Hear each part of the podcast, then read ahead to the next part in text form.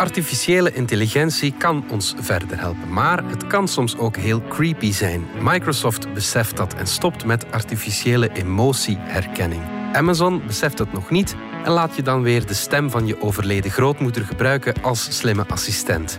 Verder hebben we het over een vergissing van de Chinezen, over hoe je je vrienden echt kent door hun geur en over ontwikkelingen in de metaverse. Het is vrijdag 1 juli. Ik ben Alexander Lippenveld en van de Standaard is dit Bits en Atomen.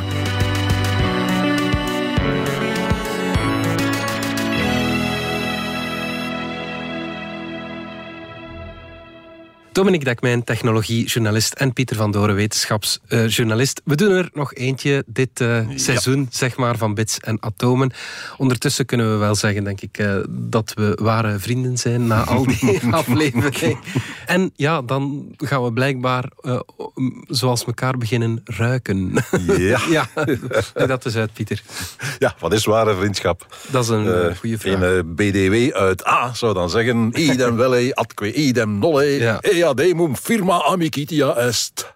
Ik, ik heb geen Latijn uh, gestudeerd. Dus, uh. Hetzelfde willen en hetzelfde weigeren, dat okay. is pas ware vriendschap. Ja, ja, ja, okay. Dat klopt wel. Maar er zijn een paar Israëli die er eens uh, onderzoek naar gedaan hebben en die zeggen, uh, idem wel, allemaal goed en wel. Maar denk ook aan idem smelle. Ja. Wij ruiken hetzelfde. Ja, ja, ja oké. Okay. Ze zijn er gaan kijken. Ze hebben in een omgeving rondgekeken naar vriendenparen mensen die de eerste keer als ze elkaar tegenkwamen, waar het meteen klikte. Mm -hmm. Dus uh, echt uh, vlotte vrienden. Ja. Uh, tien paar mannen, tien paar vrouwen. Mm -hmm. Samen twintig paar. Ja. En alle statistici die rollen nu met hun ogen. Dat is niet genoeg om een onderzoek op te baseren. Dat is belangen niet genoeg. Ja. Maar ze vonden het toch te leuk om het uh, niet aan de rest van de wereld te vertellen. Mm -hmm. En het blad Science Advances, toch geen klein blad, mm -hmm. die heeft er hetzelfde over geoordeeld. Die heeft gezegd, ja, we gaan een goed verhaal toch niet laten bederven door een uh, lelijk feit. Publiceer maar. Ja, ja. Oké, okay, wat is er aan de hand? Ze hebben bij al die uh, mensen, bij al die paren, vriendenparen, hebben ze lichaamsgeur gemeten met een elektronische neus. Mm -hmm. Op vijf verschillende manieren. En dan zijn ze gaan kijken welke geuren zitten het dichtst bij elkaar. En telkens weer, zo'n vriendenpaar, hun geuren zaten veel dichter bij elkaar dan bij eender wie van de rest van de groep. Ah ja. Dus als je er twee uitpikt die een paar zijn en je vergelijkt ze met de 38 anderen in die groep, ze springen er duidelijk uit als paar. Okay. Allemaal. Ja, ja, ja. Dat zegt al iets, ja. natuurlijk. Dan hebben ze het nog eens aan menselijke neuzen gevraagd om te kijken of de computer zich niet liet bedriegen. En menselijke neuzen zeggen hetzelfde. Mm -hmm, mm -hmm. En dan zijn ze gaan kijken, ja, wat is het nu? Uh, is het nu oorzaak of gevolg? Ja. Ruik je goed en uh, merk je dat aan elkaar en zeg je, ah, wij klikken? Ja. Of klik je eerst en blijkt nadien dat omdat je zo goed op elkaar lijkt en uh, zo dicht bij elkaar zit, dat je ook qua geur bij elkaar is. Dat die geur gewoon een gevolg is van het feit dat het klikt. Ja, ja, ja, ja. Uh, je gaat waarschijnlijk bij mensen van ongeveer dezelfde leeftijd uh, je vrienden zoeken. Mm -hmm. Nu, er is een ander onderzoek aangetoond dat uh, lichaamsgeur evolueert met de leeftijd. Ja. Dus alleen al het feit dat je iemand hebt die ongeveer even oud is als jij, zou al kunnen betekenen dat je qua geur al dicht bij elkaar zit. Ja. En zo verder. Wat is oorzaak? Hoe ouder, hoe meer 47 11 Wat hebben ze gedaan? Ja. Ze hebben nog eens een uh, dertigtal andere mensen genomen, die een geur afgenomen, mm -hmm. vooraf, zonder dat ze elkaar kenden. Dan gekeken welke geuren zitten dichtst bij elkaar. En dan pas de mensen met elkaar in contact gebracht. Ah ja, op die manier, ja. En wat bleek, de mensen die ongeveer gelijk geurden, die zeggen achteraf, ja, dat klikte meteen. Ah ja, oké. Okay. Dus blijkbaar is de geur een oorzaak van het... Uh, zich goed bij elkaar voelen. Is dat het omdat het een soort van vertrouwdheid oproept of zo? Uh, Waarschijnlijk. En vooral, ja, je merkt dat als je zelf bij je thuis rondloopt, je, je ruikt niets, maar als je bij iemand anders thuis komt, mm -hmm. dan, dan hangt daar een geur, ja. goed of slecht. Maar, dat is misschien hetzelfde. Ja, ja, ja, ja, ja, ja. inderdaad. Nu, bij dieren weten we daar tamelijk veel over hoe dieren op geuren reageren en op elkaar scheuren. Bij mensen is dat veel moeilijker. Ja. Uh, mensen hebben hersenen, dat is een serieus probleem. Ja. Wij zijn perfect in staat om anderen te bedriegen en nog beter in staat om onszelf te bedriegen. Ja. Het is, um, je moet aan mensen niet vragen wat ze voelen of uh, hoe ze zich voelen. Je moet kijken hoe ze zich voelen. Bij dieren kun je dat namelijk uh, vlot en dieren liegen meestal niet. Mm -hmm. Bij mensen is dat delicater. Um, daar komt nog bij, geuren doen een heleboel dingen met dieren, dat weten we. Geursignalen onderling. wij mensen hebben de neiging om die geursignaal nergens te verstoppen. Wij zijn de enige diersoort bijvoorbeeld waaraan je niet kunt zien op welk moment dat een vrouw vruchtbaar is. Ja. Bij apen eh, zie je dat die, die genitaliën die zwellen op. Je ziet van kilometers ver dat een, eh, zo'n eh, apin in haar vruchtbaar moment is. Bij mensen, de vrouwen zelf weten het niet eens perfect. Ze moeten al ochtendtemperaturen zitten meten Ja, en dat is dat al soort dingen. Maar iets ingewikkelder natuurlijk. Ja, ja. we verstoppen dus voor elkaar wanneer we seksueel actief zijn. En van de andere kant, dat betekent ook dat we de hele tijd lang seksueel actief zijn en met elkaar eh, bezig zijn. Bij apen is dat niet het geval. Ja, op het moment eh, dat er eh, Enkel op de vruchtbaarheid is, momenten, ja. op het moment dat een kat krols is, je hoort het de hele gebeuren en de hele nacht lang. Ja. Op dat moment zijn ze seksueel actief. De rest van de tijd steken ze hun energie in andere dingen. Wij niet. Wij zijn de hele tijd seksueel actief, maar tegelijkertijd proberen we alle signalen die we geven te verstoppen. ja. Ehm okselzweet is een heel sterk seksueel signaal. Wat doen wij? We spuiten er deo over Ja. en dan die nog eens parfum. ja, ja, ja, Dus het, het, is, het is zeer bizar bij mensen. ja. Eh, bij de meeste diersoorten weten we dat in de neus er ergens een zijwegje is, waarlangs een deel van de lucht die ze inademen afgeleid wordt naar zenuwcellen die alleen maar dienen voor signalen. Ah, ja. Bij mensen moet dat ook zo zijn. Wij reageren op bepaalde signalen die we totaal niet ruiken, waarvan we niet weten dat we ze ruiken, maar ze zijn er wel. Met okselzweet van een man kun je de cyclus van een vrouw bijstellen. Oké, ja. Bij muisjes is dat ook eh, gedetecteerd. Eh, muisjes in de prepuberteit, vrouwtjes, als je daar de, de geur van een eh, volwassen man aangeeft, dan gaan die plots in puberteit. Ah. Heel snel. ja. Wauw, dat is wel opvallend. Ja. Ja, wat geur eh, Ja. allemaal kan doen. Ja. Er zijn geen, nog nauwelijks nonnenkloosters, maar in de tijd dat ze er wel waren, was het zeer bekend dat alle nonnen in zo'n klooster ongeveer tegelijkertijd hun menstruatie hadden. Ja. Puur op geursignalen die ze zelf onbewust opnamen zonder te, te weten dat ze ze opnamen, maar het werkte wel. Ja. Dus er zijn een hele reeks eh, van die signalen. En bij, bij vriendschap moet het ook zoiets zijn dat we aan iets in de geur merken dat dat is iemand die eh, nogal op ons gelijkt. Ja. En het zou wel eens eh, handig kunnen zijn om daar eh, iets nauwer contact mee te zoeken. ja, great minds stink alike, zeg je dan.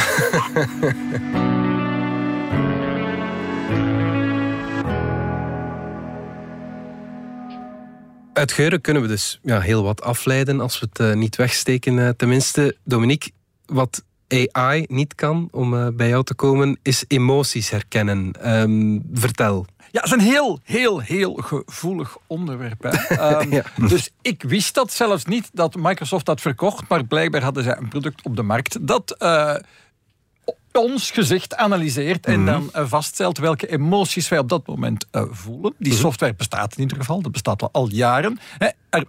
En dat is het soort software dat eh, bedrijven gebruiken om ergens, ja, hopen ze dan een beetje een, een, een extra voordeel mee te pikken. Dat, wordt, dat soort software wordt onder meer gebruikt bij sollicitatiegesprekken. Staat er een camera mee te kijken. En het idee is dan, die AI gaat dan detecteren van, oh, deze man is toch wel een beetje onzeker, hij is hier nerveus.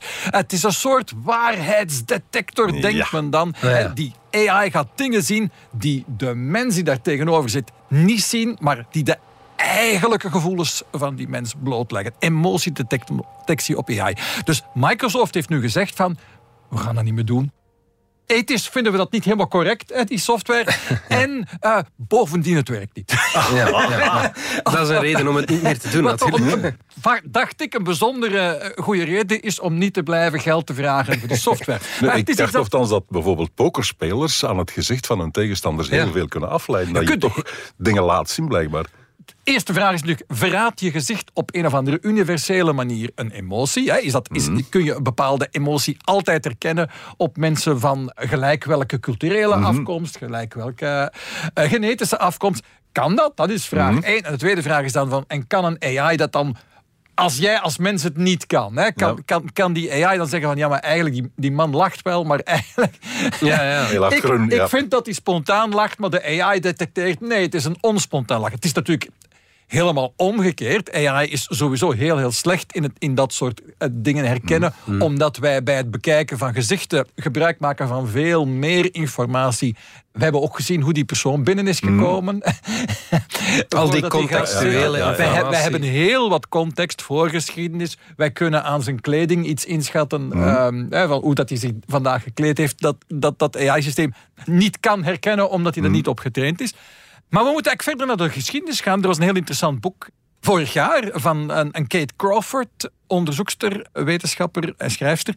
En die had een heleboel aspecten van AI stevig onder vuur genomen. Bepaalde aspecten van AI die zwaar overschat zijn. En in die ze eruit pikt, is dan met name die emotieherkenning. Eh, ze zegt van ja, dat is gebaseerd op de theorieën van een één wetenschapper. eigenlijk. ja, die heet een Paul Ekman, eh, die dat over een flink stuk in opdracht van het Amerikaanse leger heeft gedaan. En die is dat zo blijven doen. Die is dan naar Papua Nieuw-Guinea gegaan en heeft allemaal enquêtes laten invullen door mensen van verschillende bevolkingsgroepen. En zijn theorie is dan dat er een soort universele uitdrukkingen zijn. En het enige punt is, daar is dus eigenlijk geen bewijs voor. Ja, Theorieën zijn ja, Het is goedkoop natuurlijk. bijzonder, bijzonder slordig onderzoek uit de jaren 60. Ja. Maar eigenlijk of zijn er nooit aanwijzingen geweest dat het überhaupt zo is dat er universele uitdrukkingen zijn van bepaalde gevoelens. Uiteraard kan een AI-systeem detecteren of iemand aan het lachen is. Maar inderdaad, Dat een, is een, een valse lach, een groene lach, een vrolijke lach, een uitbundige lach. Ja, dat Wel, is dat kunnen wij anders. soms een beetje detecteren. Ja. Maar vooral bij mensen die we kennen. Ja, en voilà, niet zo voilà. goed bij mensen die we niet kennen. Ja, ja, Eh, en het idee dat, dat de AI dat dan beter kan en dat je dan een, een AI-systeem mag gebruiken om een jobkandidaat te weigeren, dat is niet alleen dom en, en heel slechte wetenschap, maar het is toch dingen dat mensen wel doen. Hè. Dit is tot voor zeer kort moest je je, je sollicitatiebrief met de hand Ja, schrijven. daar zagen ze ook van alles aan. ja, want dan konden ze je, je, je handgeschreven sollicitatiebrief aan een grafoloog laten zien. En het idee was altijd van, ja, ondanks het feit dat grafologie eigenlijk geen wetenschap is, dat is, Pseudo-wetenschap. ja, dat is op zijn eigenlijk pseudo-wetenschap. Ja. Maar heb je toch ergens het gevoel van, ga, goh, eh, Het zal toch wel een beetje het helpen. kan misschien wel een beetje helpen. En er zijn zoveel kandidaten. En dus ja, als je dan blindelings mensen kunt eh, uit de selectie weg, weghalen vanwege een soort pseudo-wetenschap, maar het voelt wetenschappelijk aan. Heb je het gevoel dat je goed bezig bent. En dat, voor dat soort dingen is die emotiedetectie heel gevaarlijk. Dus het goede nieuws is, Microsoft ziet dat spontaan in. En dat heeft helemaal niks te maken met het feit dat Europa op het punt staat van emotieherkenning te verbieden als veel te gevaarlijk voor gebruik. Dat, Ja. eh, voilà, er is geen verband. Ja, ja, waarschijnlijk is er Eh, geen verband. Dus, ja, dat is dus deze AI zou nu de ironie wel dekken, denk ik. eh. Ja, kijk, ehm, ja, ja, want dat, dat is dus een belangrijk punt. Hè. Dus Europa is op dit moment aan het nadenken over ethiek en AI. En dat is een zeer belangrijke denkoefening. Wat mag op vlak van AI en wat mag niet? En op welke regels is dat gebaseerd? Daar is al wat over gedebatteerd in de Europese politiek. En er is dan een tekst voorgelegd. En daar zijn nu 3300 amendementen op ingediend de voorbije weken. En dat wordt nu heel de zomer bekeken. Dus dat, wordt een heel warm onderwerp. En dus het is goed dat eh, een bedrijf als Microsoft bijvoorbeeld dat oppikt. Van, eh, dat het misschien ja, goede business is om naar Europa toe te zeggen van we gaan een beetje opletten met die gezichtsherkenning. Dat is gezichtsherkenning. Eh, je hebt ook, ja, eh, AI kan ook stemmen eh, nabootsen. Ja, dat, was, dat, is, Ja. dat is de andere creepy AI-technologie die opeens in het nieuws was. Dat is dan het, het rare toeval. Dus in dezelfde week heeft Microsoft dan gezegd van ja, die emotieherkenning gaan we niet doen. En weet je waar, we, waar je eigenlijk ook moet afblijven van die AI die jouw stem in real time, terwijl je praat, omzet. Niet in gewoon in zo'n eh, laag computerstemmetje of, eh, of in zo'n Darth Vader-achtig stemmetje, maar in eender zijn stem. ja, Want dat kan. Hè? Dat, dat, heet, dat heet dan een voice deepfake. Dat kunnen ze al wel een tijdje maken, maar die technologie is zo goed geworden dat dat gewoon kan terwijl je praat. Een soort van Guga Baul-functie of zo. Ja, ja voilà. dus ik kan, ik, ik kan hier praten, maar we kunnen dan eh, een, paar, een paar minuten stem Even van Pieter verwerkt hebben. Ja. En dan kan mijn stem letterlijk ingeruild worden. Eh, voor, voor die van Pieter. Dat, Ja. dat, Dat kan. En Dat is een Microsoft heeft nu octaaf gezegd, eh, of twee.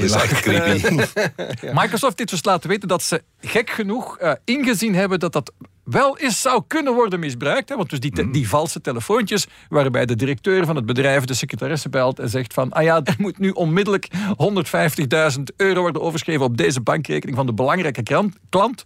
En dat moet nu gebeuren. Zeg maar van de belangrijke krant. Of je job hangt ervan Ja. vanaf. Hè. Die telefoontjes, dat is al gebeurd. eh, enkele keren. Eh, we weten niet hoe vaak precies. Ja, ik herinner me, het is jaren geleden, maar ineens ging mijn telefoon op kantoor. Ik neem op en ik hoor mijn baas Ja. En die begint te ratelen en dingen te vertellen en te vragen. En dat moet je regelen, en dat moet je regelen, en dat moet je regelen. Ik wist niet waar dat ik stond. Uh-huh. En dat bleek een bandje te zijn van iets dat hij ooit vertelde aan een medewerker vier jaar geleden.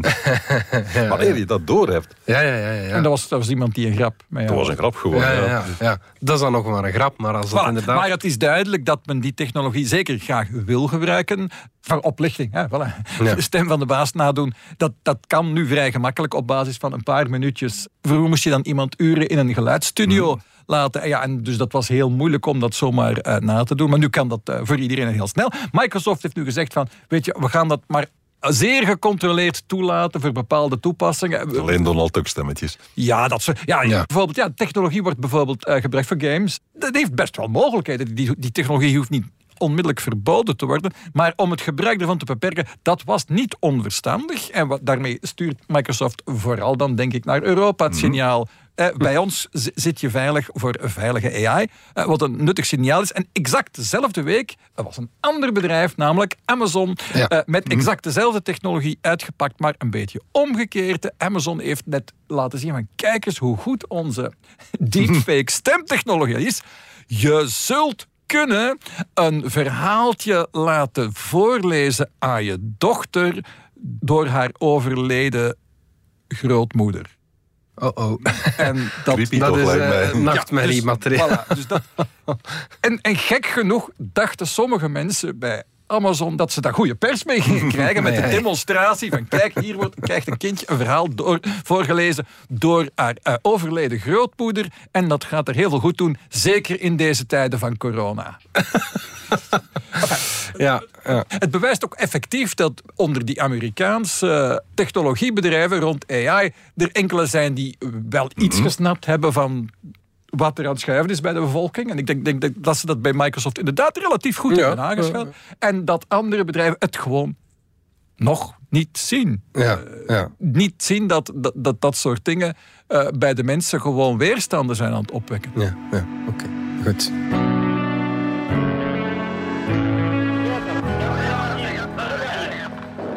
Pieter, de Chinezen die hebben een aantal jaar geleden Found Home eh, gehoord. Vertel eens. Op eh, 14 juni verschijnt in het blad van het ministerie van Wetenschapsbeleid, Science and Technology Daily, verschijnt een artikeltje van wij hebben aliens gehoord. De Chinezen hebben op dit moment de grootste radiotelescoop ter wereld. Een ding met een diameter van 500 meter. Er is in een komdal. 500 meter? 500 meter. Wauw, ja, dat is Decennia lang is de grootste ter wereld die van Arecibo geweest. En die was 300 meter. Ja. Die is ingestort onder zijn eigen gewicht. Eh, Een paar jaar geleden. Nu, de Chinezen hebben er nu een van 500 meter. ja. Ze zijn daar nog mee aan het leren werken. En het zit nog niet helemaal zoals het hoort. Die spiegel bestaat uit hele kleine deelspiegeltjes. En die kunnen allemaal door een zuiger heen en weer bewogen worden. Zodanig dat je de totale spiegel kunt vervormen Nou ja. en zijn eigen vorm geven. En als je die dingen moet onderhouden, de technici die hebben op hun rug een grote rugzak met daaraan een enorme luchtballon. En die zweven eigenlijk net boven die spiegel om hem te onderhouden. Dus, dus het is een gigantisch eh, ding. Machtig. ja, ja, ja. Maar goed, wat is nu gebeurd? Ze zijn eh, daar de hemel mee aan het afzoeken natuurlijk. En ze hebben bij de ster Kepler 438b, Ja. een ster met een planeet, een planeet die bovendien in de zone met eh, mogelijkheden van vloeibaar water zit. Oké. Daar vandaan kregen ze op 140,604 megahertz, dus echt heel precies. 140,604 Ja, ja, daar krijgen ze een enorme piek. Ja. Een paar keer na elkaar. Piek die op geen enkele manier natuurlijk eh, kon zijn. Dat moest iets kunstmatig zijn. ja. Dan zijn ze waarschijnlijk iets te snel geweest. Eh, hebben ze dat eh, ding in hun eh, tijdschrift al gezet voor ze het helemaal goed gecontroleerd hadden. En ondertussen zeggen alle collega's: jongens, eh, jullie hebben gewoon je werk niet goed gedaan. Ja. Wij vinden miljoenen keren per dag vinden we wel een signaal dat duidelijk technisch is. En alle keren is dat een menselijk signaal. Ja. Dat zijn ergens eh, twee satellieten eh, die elk op een andere frequentie uitzenden. Die twee frequenties interfereren met elkaar. Je krijgt een derde frequentie. Dat is wat jij hoort. Ja, ja, ja. Het Amerikaanse leger heeft ooit een eh, radiotelescoop van de Universiteit van Harvard ingepikt om te gaan luisteren naar de Russische radars. En wat horen ze? De plaatselijke taximaatschappij. Oké, ja. Er zijn eindeloos eh, veel eh, verhalen over. Ja. De Parker-telescoop in eh, Australië, de grootste van Australië, heet ondertussen Murrayang. Hemelhuis of zoiets in de, de plaatselijke taal. Ja. Daar hebben ze tussen 2011 en 2014 drie jaar lang gezocht naar een signaal dat duidelijk abnormaal was, duidelijk technisch. Ze konden het maar niet verklaren. Tot het in één keer iemand opviel dat het altijd bij lunchtijd was. Ja, ja, ja. En het bleek het hun eigen microgolfovertje te zijn. Ping, wat is die ping? Dus de kans was, is gewoon miljoenen keren groter dat de Chinezen zich op die manier laten vangen hebben. Het is een dat ze inderdaad eh, aliens hadden gehoord. Ja, ja. Nu, je moet, eh, als zo'n signaal binnenkomt, eh, dan moet je niet maar zeggen: hé, hey, we hebben hier iets. Nee, dan moet je zeggen: nou, wat zou het nog allemaal kunnen zijn? Eh, eerst en vooral, werkt jouw toestel? Is er niemand ons aan het hacken?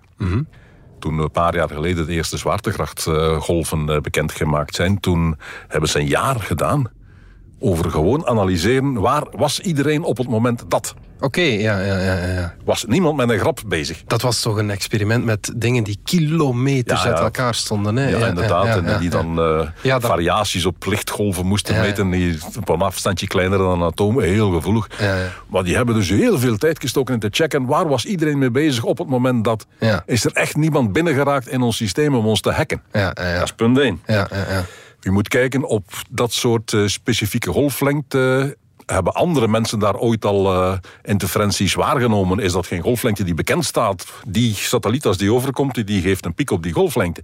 Heb je dat gecheckt? Ehm, zijn er vergelijkbare signalen in het archief?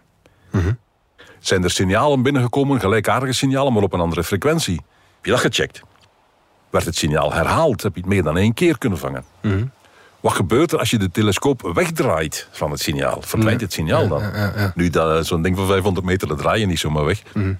Maar, ik heb al gezegd, die spiegel is vervormbaar. Ja. Wat ze doen, ze kijken eigenlijk, het is een beetje een facetoog, ze kijken in 19 verschillende richtingen tegelijk. Ah, ja. En ze stellen scherp op 19 verschillende punten in de ruimte. Ja. En dan kun je gaan kijken, Als is je er, er één eentje- oogje die ja. het ziet? Zijn er twee die het zien? Dan liggen ze naast elkaar. Dan zien ze allebei samen waarschijnlijk hetzelfde signaal. Ja. Maar ziet oogje 1 en oogje 5 iets? Ja, dan, Dan weet zijn je dat misschien het twee zien klopt. enzovoorts. Dus eh, heb je dat allemaal gecheckt? Ja. Ehm, is er geen, eh, wat men noemt, eh, distortie? Elke gitarist die weet als hij zijn versterker op 11 zet, Ja, dan, dan krijg je een signaal dat lekker vuil en vervormd is. Boze buren ook. Ja. Is dat niet gebeurd in jouw toestel? ja. Een soort boventoon. Dat overtoon. Ja. Is er een tweede telescoop ergens anders ter wereld die hetzelfde ziet? Bij de Amerikanen, voor je iets bekend maakt, moet je twee aparte telescopen hebben die het allebei gezien hebben. Mhm. Nu, de Chinezen voldoen daar absoluut niet aan. Mhm. Het bleek al uit polarisatie van het signaal dat het bijna zeker interferentie is. Twee andere signalen die samen een, een derde signaal maken. Dus ja, vergeet het maar. Hè. Ja, oké. Jammer voor de Chinezen, wie weet. Jammer voor de Zien Chinezen. ze ooit wel iets. Nu, wat, eh, wat eigenlijk raar is aan die dingen. De meeste mensen zijn ervan overtuigd, ergens in het heelal moet er leven zijn, dat kan niet anders. Er zijn zoveel miljarden sterren, die hebben allemaal planeten. Het kan gewoon niet zijn dat wij de enige zijn. Wordt dan heel vaak geredeneerd. Maar eigenlijk moet je die redenering doortrekken. En moet je dan zeggen, kijk, als er een kans is van 1 op een miljard dat een levensvatbare planeet inderdaad tot leven geleid heeft, dan nog zouden alleen al in onze melkweg er een paar honderd van die planeten moeten zijn. Ja, ja. Waarom hebben we er nog nooit één gezien? Goeie Dus eh, ja, misschien zijn we al de hele tijd op zoek naar iets dat er gewoon niet is. Ja, ja. We weten het niet. We zullen het denk ik nooit weten. Wij toch niet.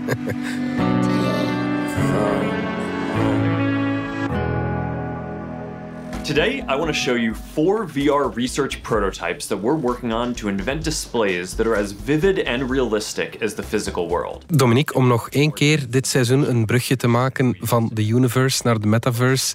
Ik ga het nog één keer doen. Eh, je- om eh, het seizoen af te sluiten ga je het daar nog eens eh, over Ja. hebben. Hè? Vertel. Er waren gewoon, gewoon een, heleboel kleine berichtjes de afgelopen dagen. Eh, het lijkt wel alsof eh, met name dan Meta, het bedrijf dat alles heeft ingezet op de metaverse, wil laten weten van we zijn zijn daar echt mee bezig. Eh, maar we hebben het nog niet.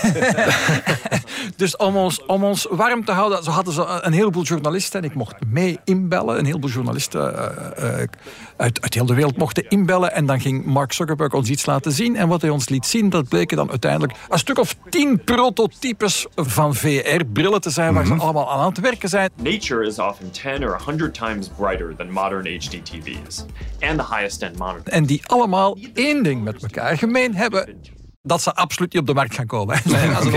Behalve dat wij ze er even op die videoverbinding met Mark Zuckerberg zelf gezien hebben, zullen we ze nooit te zien krijgen. There's still a long way to go, but I'm excited to bring all this tech to our products. Waarom doet uh, Meta dat? Vooral denk ik effectief om ons bezig te houden. Hè, van, we, heb, we hebben iets. En het feit dat we nog altijd geen bril hebben gelanceerd, betekent niet dat we niet heel hard bezig zijn. Want het is verschrikkelijk moeilijk. Er is gewoon heel veel voor nodig. Dat idee wilden ze dan eigenlijk wel voeden. En eigenlijk deed Apple net hetzelfde, eigenlijk ook enkele dagen geleden. Tim Cook, de baas van Apple, heeft al lang gezegd van heel dat idee rond... eh, ja, zij hebben het dan vooral over augmented reality, maar in de feite hebben we het over gelijkaardige technologie. Hè? En, en een speciale bril die virtuele beelden combineert met de echte beelden. Dus Apple is daar ook aan bezig, dat weten we al minstens vijf jaar, waarschijnlijk al veel langer. eh, maar houdt dat eh, wat beter geheim dan eh, pakweg Meta. En Tim Cook heeft opnieuw gezegd in een interview dat hij die, heel die augmented reality dingen heel interessant vindt, dat het heel belangrijk wordt. En gesuggereerd van, maar het is nog erg vroeg dag. En eh, wat Apple daar te betekenen heeft, ja, dat moeten jullie maar afwachten. Dus dat is al niet meer gewoon van we zijn ermee bezig, maar er komt iets, wacht af. En vooral ga er niet van uit dat die dingen die andere mensen eerst tonen het zijn. Nee, nee, integendeel. Dat is, dat is nog veel te vroeg. Pas wanneer het moment rijp is, gaan wij er zijn. Eh, en ja, En meteen de beste, uiteraard. Dat- dat- Wat inderdaad in het verleden al vaak gebeurd is. Ah ja, het ding van Apple komt eraan en dan zeggen de specialisten... Ja, het moment dat Apple dan echt zegt van wacht maar af, het komt... kan het niet echt meer ver zijn. En de Apple Watchers, dat zijn er eigenlijk twee tegenwoordig. Dat is een zekere Mark Gurman, een journalist... en een zekere Munchie Kuo, een, een financieel analist. Dat zijn de twee Apple Watchers. En die zijn het er nu over eens. Begin volgend jaar gaat Apple zijn bril laten zien. En op basis van wat zij er al, hè, wat Gurman en Minchie Kuo erover verteld hebben, lijkt die heel, heel sterk op wat eh, Facebook ons gaat laten zien. Misschien in september al. Ja, er zijn niet zoveel manieren om zo'n bril te maken natuurlijk.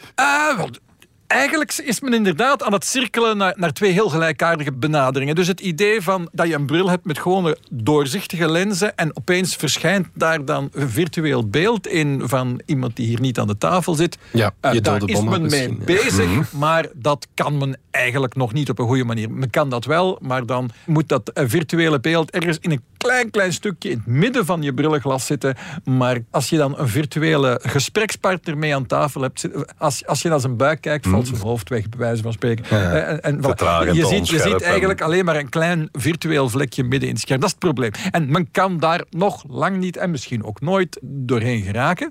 Eh, maar wat men wel kan doen, is het precies het omgekeerde. Je hebt een VR-bril aan, een virtuele realiteitsbril. Je ziet dus een virtuele wereld. Maar er zitten camera's aan de buitenkant van die bril. En die projecteren eigenlijk heel de buitenwereld naar binnen. Dus ah, het is alsof je de echte wereld ziet. Ja. Maar eigenlijk Je ziet de echte wereld bovenop de virtuele. De Ja, augmented maar virtual maar, reality. eh, en dus, en dus, eh, dus dat waren dus ook die prototypebrillen die, die Mark Zuckerberg ons liet zien, maar die we dus zelf niet konden uitproberen. Dat waren dat soort brillen. En hij beweerde dus dat wat ze proberen te doen, is die VR-bril zo goed maken, met zo'n goede camera's en zo'n goed beeldscherm aan de binnenkant, dat het lijkt alsof je gewoon door je bril kijkt, dat je niet kunt onderscheiden van de echte wereld. En noemde dat zelfs de visuele Turing-test. Een beetje een domme naam vond er, want het, het, heeft nu met, met eh, Alan Turing niks te maken. Maar bon, dat, dat is het idee.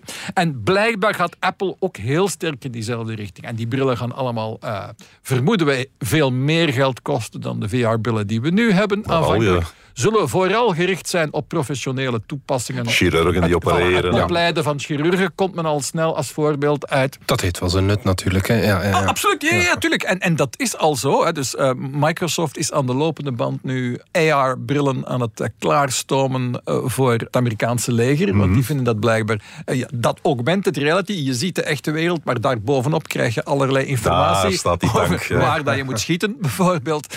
Dat vindt men in het leger bijzonder interessant. Dus eh, dat zouden wel eens de eerste echte grote metaverse-toepassing zouden wel eens van militaire aard kunnen zijn. Ja, zo is dat uh, met Dus, nog eh, dat was een beetje metaverse nieuws. Een ander interessanter metaverse nieuws vond ik eigenlijk, eh, heel, heel positief, was dat eh, een aantal bedrijven, bijna iedereen, is gaan samenzitten en gezegd van we gaan samen tot afspraken komen over standaarden, zodat we niet allemaal kleine metaverses zijn aan het bouwen, maar één grote metaverse. Als dat niet lukt, zal het nooit een kans krijgen op de markt. Absoluut. Ik denk, ik denk dat dat wel heel belangrijk is. Dus dat was een belangrijke stap. Maar wat valt dan bij op? Eh, Meta zit daarin en Microsoft zit daarin en Samsung zit er geloof ik in. Maar eh, er ontbreken twee namen eigenlijk. Eh, Apple doet niet mee aan die... Ja. Ja. En dat, wat suggereert dat Apple, als het een belangrijke standaard wordt, komen ze er later wel bij. Dat is meer hun stijl. Maar ze, Ja. gaan, dat, ze gaan dat niet te snel doen. Maar ik denk dat zij Zoals nu nog de altijd... USB-C-toestanden. Voilà, ja, ja, ja, ooit doen ze het ook wel. Ja, precies. Ze laten nu eh, momenteel niet in hun kaarten kijken. Maar dat wil niet zeggen dat ze, dat ze er altijd volledig buiten gaan blijven. Maar op dit moment zijn ze in ieder geval misschien een, in een licht, lichtjes andere richting aan het kijken dan de rest van de industrie. Wie ook ontbrak was Google. Dat, dat, eh, die, dat zou zijn toch kunnen al dat twee grote namen. Hè? ja, ja, voilà. Maar laten we zeggen dat echt, echt letterlijk iedereen anders is nu toch aan, aan tafel aan het zitten voor standaarden rond die metaverse. Wat toch ook weer iets is dat de indruk geeft dat er echt wel iets gaat gebeuren. Los van het feit dat we dus eigenlijk au fond die metaverse nog altijd niet echt te zien krijgen. Ja. Nog een kleintje, dat, dat- het, blijft, het bleef zo echt de afgelopen weken gebeuren, is dat Microsoft heeft dan de winkel geïntroduceerd waar je virtuele kleren koopt voor je avatar in de metaverse. Dus er is nog geen metaverse, Maar er is wel al geld aan maar eh, je kunt er wel al geld aan en uitgeven om er in die metaverse beter uit te zien. Ja. En om dat een beetje te versnellen, heeft Meta dan zo gemaakt van ja, maar die avatar die je dan aanmaakt voor de metaverse, je zult die ook gewoon in Instagram kunnen laten zien. Dan is die uiteraard niet in 3D door een virtuele wereld aan stappen, maar je, dan heb je toch al een tekeningetje van jezelf, een cartoonversie van jezelf. En dan kan je die toch al voorzien van merkkleding. Soms lijkt het wel alsof dat het enige doel van die hele metaverse is om virtuele kleren te ko- verkopen Ik aan je ben avatar. echt blij dat je het zelf zegt, de Dominique. Kledingindustrie, de kledingindustrie is de industrie. Eh, In de tijd van Second Life, hebben, dat is eigenlijk al zeker 15 jaar dat die, dat die fabrikanten ervan dromen om ons te kunnen kleren verkopen die ze niet eens hoeven te maken. Deze week zag ik zelfs een advertentie van Fender. Het eh, grote gitaarmerk die ook al in de virtuele wereld Een virtuele gitaar. Ja. Dus ja, iedereen is Ja, mee ja, blijkbaar. de- Ja, een heleboel mensen zeggen van ja, laten we voor alle zekerheid, voor het geval het toch waar is, en we geloven niet echt, maar voor het geval het toch waar is, laten we dat toch een beetje het, een teen in het water steken. Ja, er moet een, manier zijn om er geld aan te verdienen. En ja, eh, als dat niet eh, gewoon advertenties is, en die zijn we een beetje beu op het internet. Ja, als het niet advertenties is, dan is het de verkoop van dingen. Hè. Goed.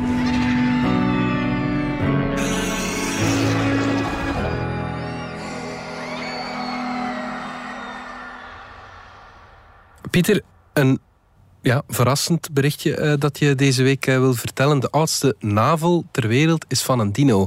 Maar ik dacht Ja. dat een dino uit een ei kwam. Dat is ook zo. Dus Ja. eigenlijk horen dino's helemaal geen navel te hebben. Mhm. Wij mensen komen uit een baarmoeder en eh, wij zijn met die baarmoeder verbonden via een navelstreng. Ja. En als je die doorknipt, dat laat op ons, midden op onze buik een littekentje naar onze navel. Ja. Dat is bekend. Maar dieren die in een ei zitten, terwijl ze groeien in het ei, zijn die verbonden met wat men de dooierzak noemt. Elk ei heeft een dooier. Ja. En zij zijn daaraan verbonden en van daaraan halen ze heel veel eh, voeding. Die verbinding die valt weg net voor ze uit het ei komen of op het moment dat ze uit het ei komen. Geeft een klein littekentje en bij slangen, bij kippen, eh, noem maar op, is dat binnen een paar dagen verdwenen. Blijft daar niks van over. Ah ja. Maar er zijn een paar dieren waar dat littekentje toch zichtbaar blijft. Eentje daarvan is eh, de alligator, bijvoorbeeld. Ah ja. Alleen je moet zo'n alligator op zijn rug krijgen en dan onder op zijn buik gaan kijken. Het is niet evident om het te vinden, maar hij heeft het. Ja, ja, ja. En nu blijkt een eh, dino van 125 miljoen jaar oud uit China. Psittacosaurus mongoliensis. En Psittacosaurus betekent iets zoiets als uh, papagaaibek dino. Daarvan heeft men eh, huid teruggevonden. Heel goed geconserveerd. En daar zijn al een paar leuke dingen mee eh, uitgekomen. Het ding is in 2002 gevonden. Het eerste dat ze zagen bijvoorbeeld...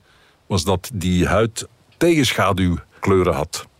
Je moet er eens op letten. Alle dieren hebben een donkere rug en een bleke buik. Ja. De buik is altijd bleker dan de rug. Ja. En dat is om uh, roofdieren uh, te misleiden. Als, je, als dier in de zon gaat staan, dan schijnt de zon op je rug. Uh -huh. Je rug wordt bleker ja. dan de rest van je lijf. En iemand die goed rondkijkt, die zegt... Ha, daar is een kleurverschil, ik zie daar iets gebeuren. Daar is iets dat in de zon komt. Dat wordt bleker van boven, daar ga ik naartoe. Ja. Dus wat doen dieren dan? Ze maken hun rug net donkerder ja, dan hun buik om dat effect dus uh, tegen te gaan. Okay. Dat dino had dat ook. Ja. Het is ook de eerste dino waarvan we het gat gevonden hebben. of in het uh, mooie Latijn de cloaca. Ja. we wisten dat dino's dat moesten hebben, maar uh, het is nooit gevonden geweest. Bij deze wel. Oké. En nu dus ook, onderaan op de buik, is er een litteken van iets van een 10 centimeter. Het hele beest is 2 meter lang. Oh ja, oké. Okay. En net midden, perfect midden op de, op de middellijn van de buik. Mm -hmm. In het verlengde van die middellijn. Dus het is niet zomaar een toevallig ontstaan litteken van een, van een wonde of van een kwetsuur. Mm -hmm. Met uh, netjes daar rond uh, schubben in een patroontje dat dat uh, litteken volgt. Mm -hmm. Dus het moet echt dat litteken zijn zoals je dus ook bij krokodillen vindt. Oké, okay, ja. Een navel van een dino. Goed. Dit was Bits en Atomen, de wekelijkse podcast over wetenschap en technologie. Bedankt voor het luisteren. We nemen een paar weken vakantie, maar na de zomer zijn we terug. Intussen kan je ook luisteren naar andere podcastreeksen van de Standaard, zoals DS Vandaag en nog een heleboel andere reeksen. Je vindt ze in onze app DS Podcast of op eender welk ander podcastplatform. Alle credits van de podcast die je net hoorde vind je op standaard.be-podcast. Reageren kan via podcast.standaard.be. Tot in september.